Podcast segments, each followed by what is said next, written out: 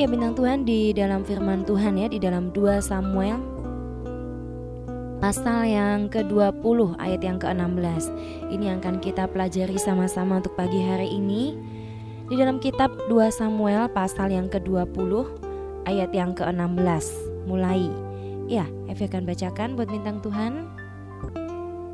Kebetulan ada di sana seorang Dursila bernama Seba bin Bikri, orang Benyamin. Ia meniup sangkakala serta berkata, "Kita tidak memperoleh bagian daripada Daud, kita tidak memperoleh warisan daripada anak Isai itu, masing-masing ke kemahnya, hai orang Israel."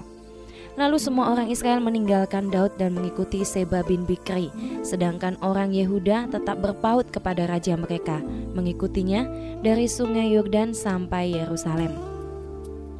Bintang Tuhan ada satu kisah ya di sini yang cukup menarik di mana pada waktu itu Daud akan dibawa pulang ya sebagai seorang raja.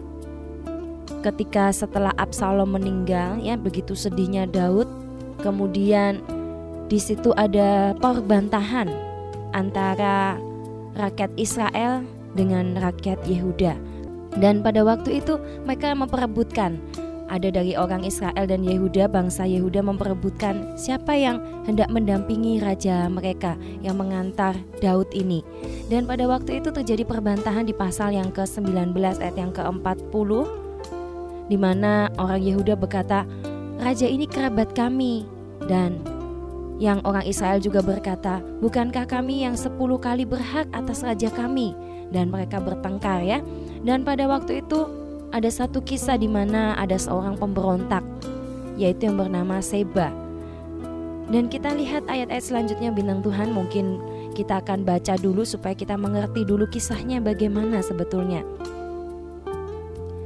Ayat yang ketiga sampailah Daud ke istananya di Yerusalem lalu raja mengambil ke sepuluh gundik yang ditinggalkannya untuk menunggu istana kemudian dimasukkannya mereka dalam sebuah rumah di bawah penjagaan. Ia memelihara mereka tetapi tidak dihampirinya. Mereka tetap terasing seperti janda sampai hari mati mereka. Berkatalah raja kepada Amasa, kerahkanlah bagiku orang-orang Yehuda dalam tiga hari, kemudian menghadaplah lagi kemari.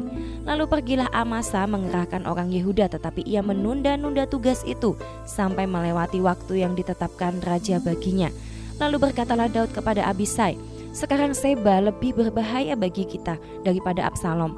Jadi engkau bawalah orang orang tuanmu ini dan kejarlah dia supaya ia jangan mencapai kota yang berkubu dan dengan demikian ia luput daripada kita. Lalu Yoab orang Kreti dan orang Pleti dan semua pahlawan keluar menyusul dia. Mereka keluar dari Yerusalem untuk mengejar Seba bin Bikri. Ya, bintang Tuhan di sini Evi jelaskan ya ada kisah di mana pada waktu itu seorang yang bernama Amasa. Waktu itu Evi bertanya-tanya, siapa sih Amasa itu? Ya, siapakah dia? Minang Tuhan kalau kita buka di 2 Samuel 17 ayat yang ke-25. Di situ dijelaskan bahwa Amasa ini adalah kepala tentara dari Absalom di mana Absalom ini adalah anak dari Daud yang memberontak kepada Daud ya. Dan si Amasa ini adalah kepala tentara atau panglima dari pemberontakan Absalom ini. Tetapi ketika Absalom sudah meninggal ya, ada orang-orang yang kembali kepada Daud, ada orang-orang juga yang terbunuh ya bersama dengan Absalom. Dan Amasa ini juga bintang Tuhan, dia ternyata masih dalam hatinya masih memiliki pemberontakan terhadap Daud. Hatinya masih belum tulus, hatinya masih belum betul-betul berpaut kepada raja mereka. Ya, dan mungkin mungkin juga dia masih memihak pihak-pihak lain yang membenci Daud. Dia masih berpihak kepada pihak-pihak lain. Dan di situ jelas sekali dengan sikapnya. Pemberontakan kembali terjadi oleh Seba yang menghasut dari bangsa Israel dan bangsa Israel juga terhasut oleh hasutan mereka.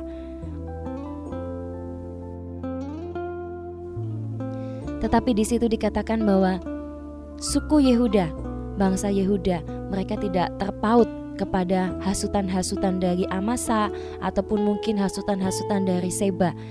Tetapi di situ Amasa jelas sekali dia mengolor-ngolor waktu karena pada waktu itu Seba sedang memberontak dan Daud minta segera dikumpulkan pasukan. Tetapi tidak segera dikumpulkan ditunda-tunda. Akhirnya Daud menyuruh orang lain untuk melakukan tugas itu. Nah bintang Tuhan kemudian kisah selanjutnya. Ayat yang ke-8 di situ dengan singkat ya Evi jelaskan kisah ini yang mungkin kalau perjanjian lama lebih susah mungkin ya. Ada orang-orang yang tidak suka membaca perjanjian lama karena katanya terlalu seperti cerita, tidak mengerti maksudnya. Nah, oleh karena itu ya, Vi mau jelaskan pelan-pelan supaya kita mengerti ada apa di balik semua cerita ini tentunya. Ayat yang ke-8 dan selanjutnya ya. Di situ Yoab, seorang panglima yang setia sekali, yang termasuk di dalam perwika-perwika Daud, pahlawan-pahlawan Daud yang bernama Yoab ini ya. Dia mengejar Seba dan pada waktu perjalanan itu dia bertemu dengan Amasa ya dan Amasa pada waktu itu lengah sehingga Yoab akhirnya membunuh dari Amasa ini. Ya, ternyata Yoab ini memang kalau Evi baca memiliki satu temperamen ya yang cukup tinggi.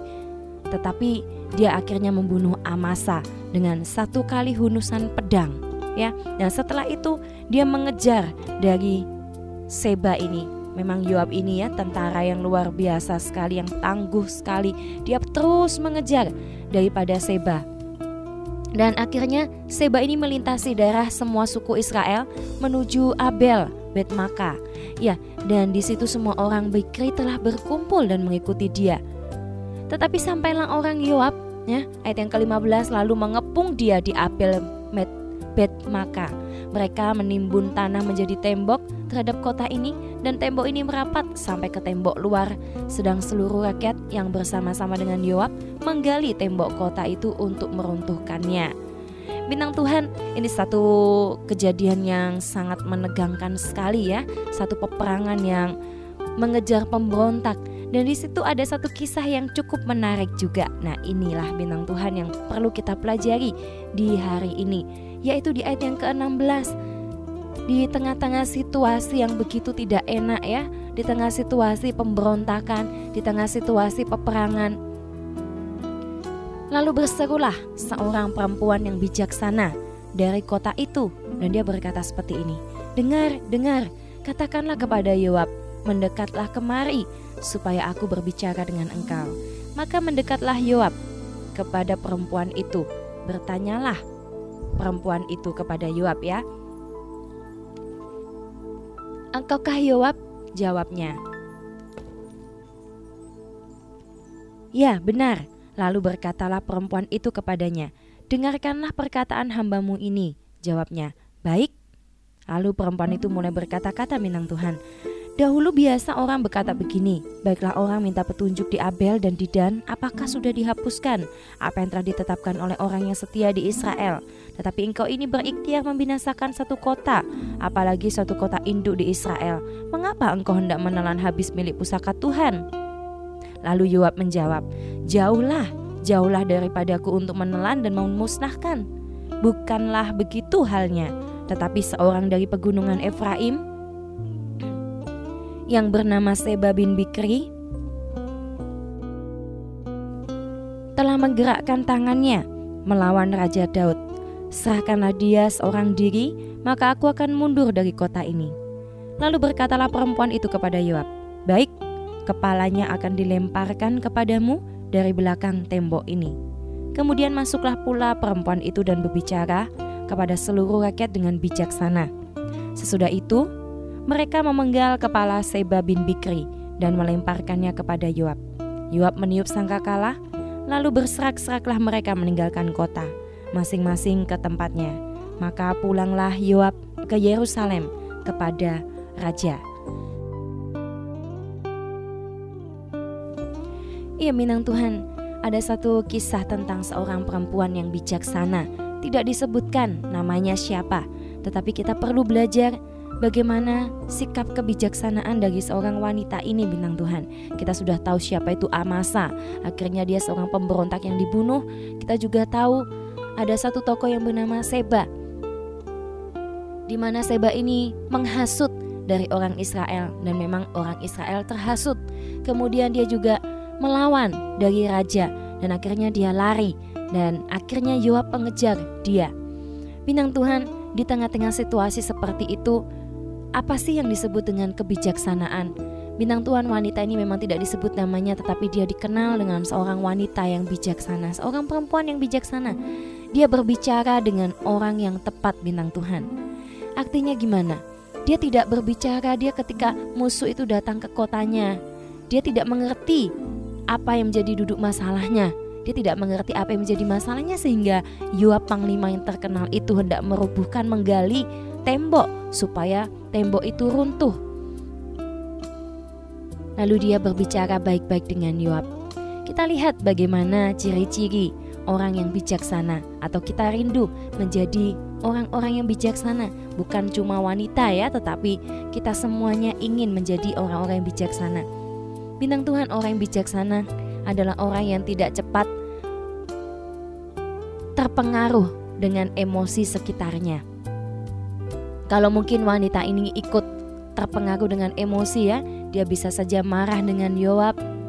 Dia bisa saja mungkin mengerahkan kota untuk memusuhi Yoab karena kita lihat bahwa dia memiliki pengaruh yang besar sekali kepada rakyat yang ada di sana. Tetapi dia berbicara dengan Yoab dengan baik-baik. Dia tidak terpengaruh dengan situasi. Yang kedua, dia memberitakan apa kebenarannya. Dia membawa nama Tuhan dan itu memang betul.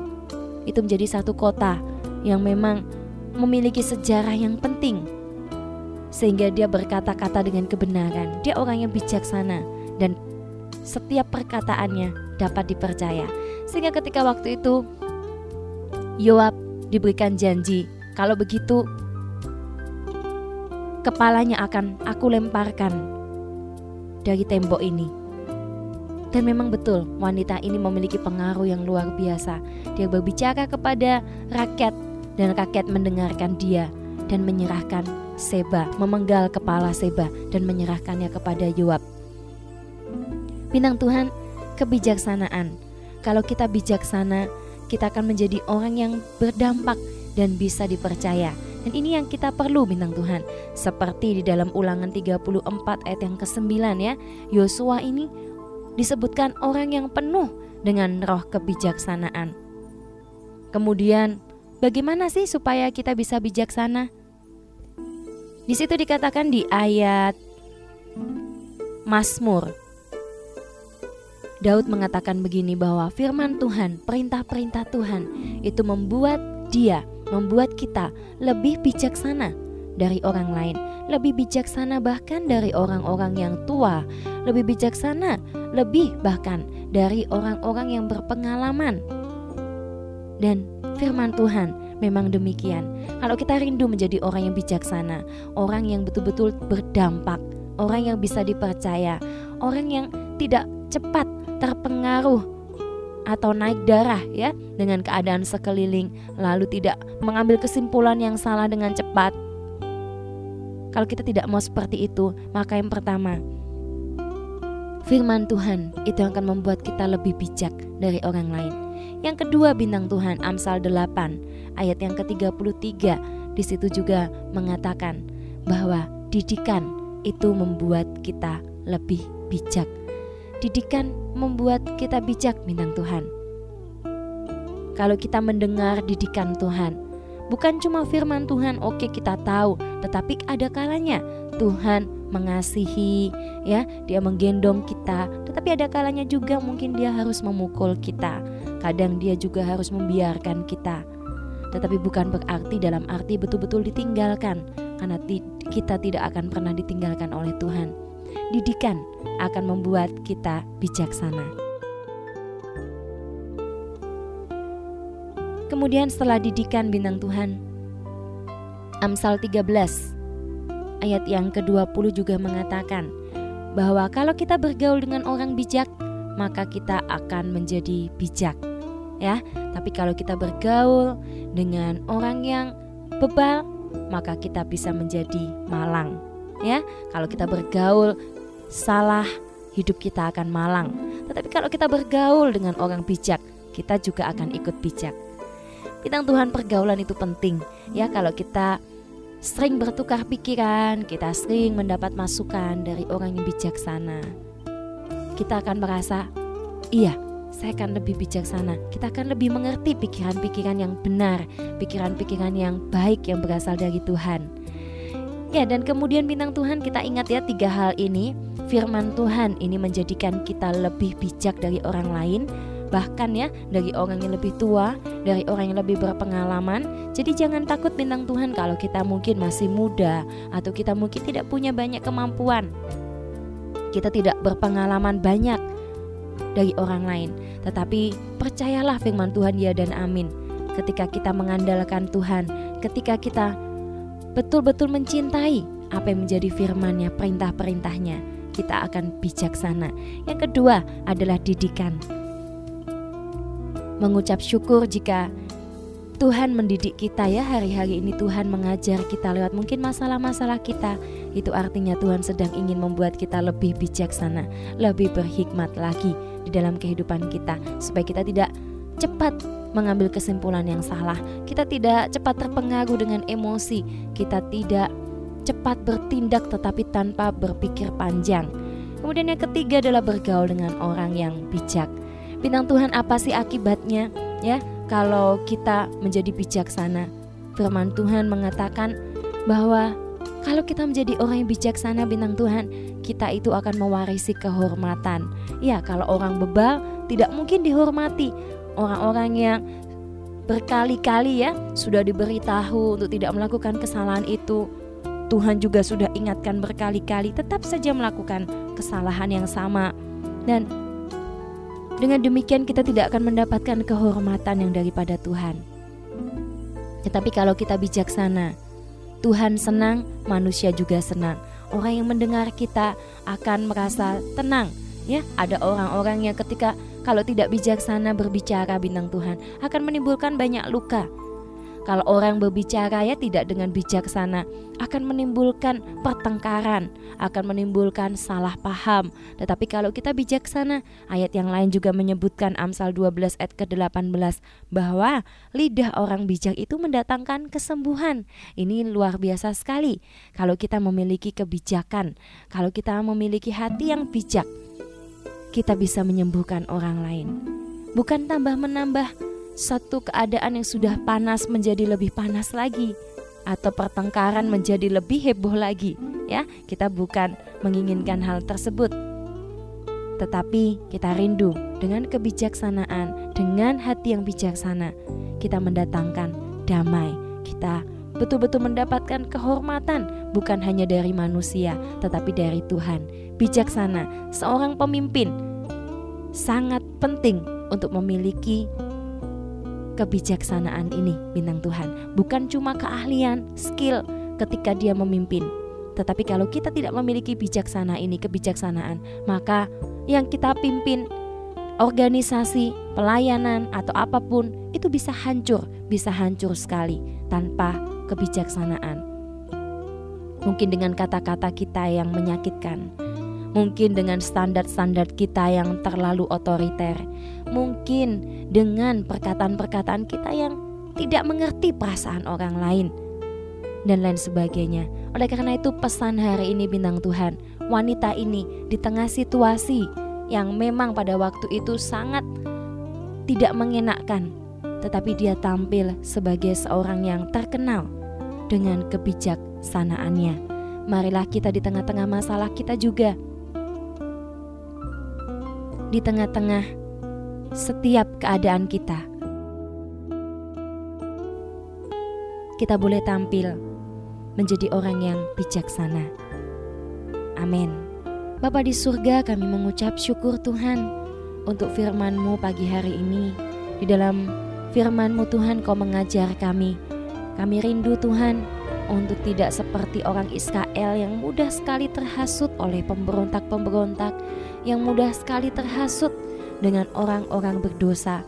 Kami mau menjadi anak-anakmu yang berpaut tetap kepada Engkau ya Tuhan, apa pun yang terjadi. Tuhan kami juga rindu, kami berdoa, berikan kepada kami hari ini roh kebijaksanaan yang daripada Tuhan. Tuhan, kau ciptakan manusia untuk bijaksana. Tetapi ada kalanya Tuhan kami tidak tahu, kami bebal dan kami tidak bisa melakukan kehendak-Mu. Oleh karena itu mampukan kami, berikan kami hati yang bijaksana, penuhkan kami dengan roh kebijaksanaan seperti kepada Yosua ya Tuhan, untuk melakukan satu rencanamu, untuk melakukan satu pekerjaanmu yang besar Tuhan. Mari nyatakan kuasamu Tuhan, supaya setiap kami boleh berkata-kata dengan bijaksana, baik itu dalam masalah keluarga, baik itu dalam masalah pelayanan, dalam masalah pekerjaan, apa pun Tuhan, kami mau jadi orang yang bijaksana. Bapak, terima kasih Bapak. Bekerjalah dan nyatakanlah latih kami, didik kami dengan firman-Mu. Dan Engkau jagai setiap pergaulan kami menjadi pergaulan yang diberkati, menjadi pergaulan yang memberikan masukan yang baik, yang membentuk karakter kami dengan baik Tuhan. Terima kasih Bapak, di dalam nama Tuhan Yesus Kristus. Amin.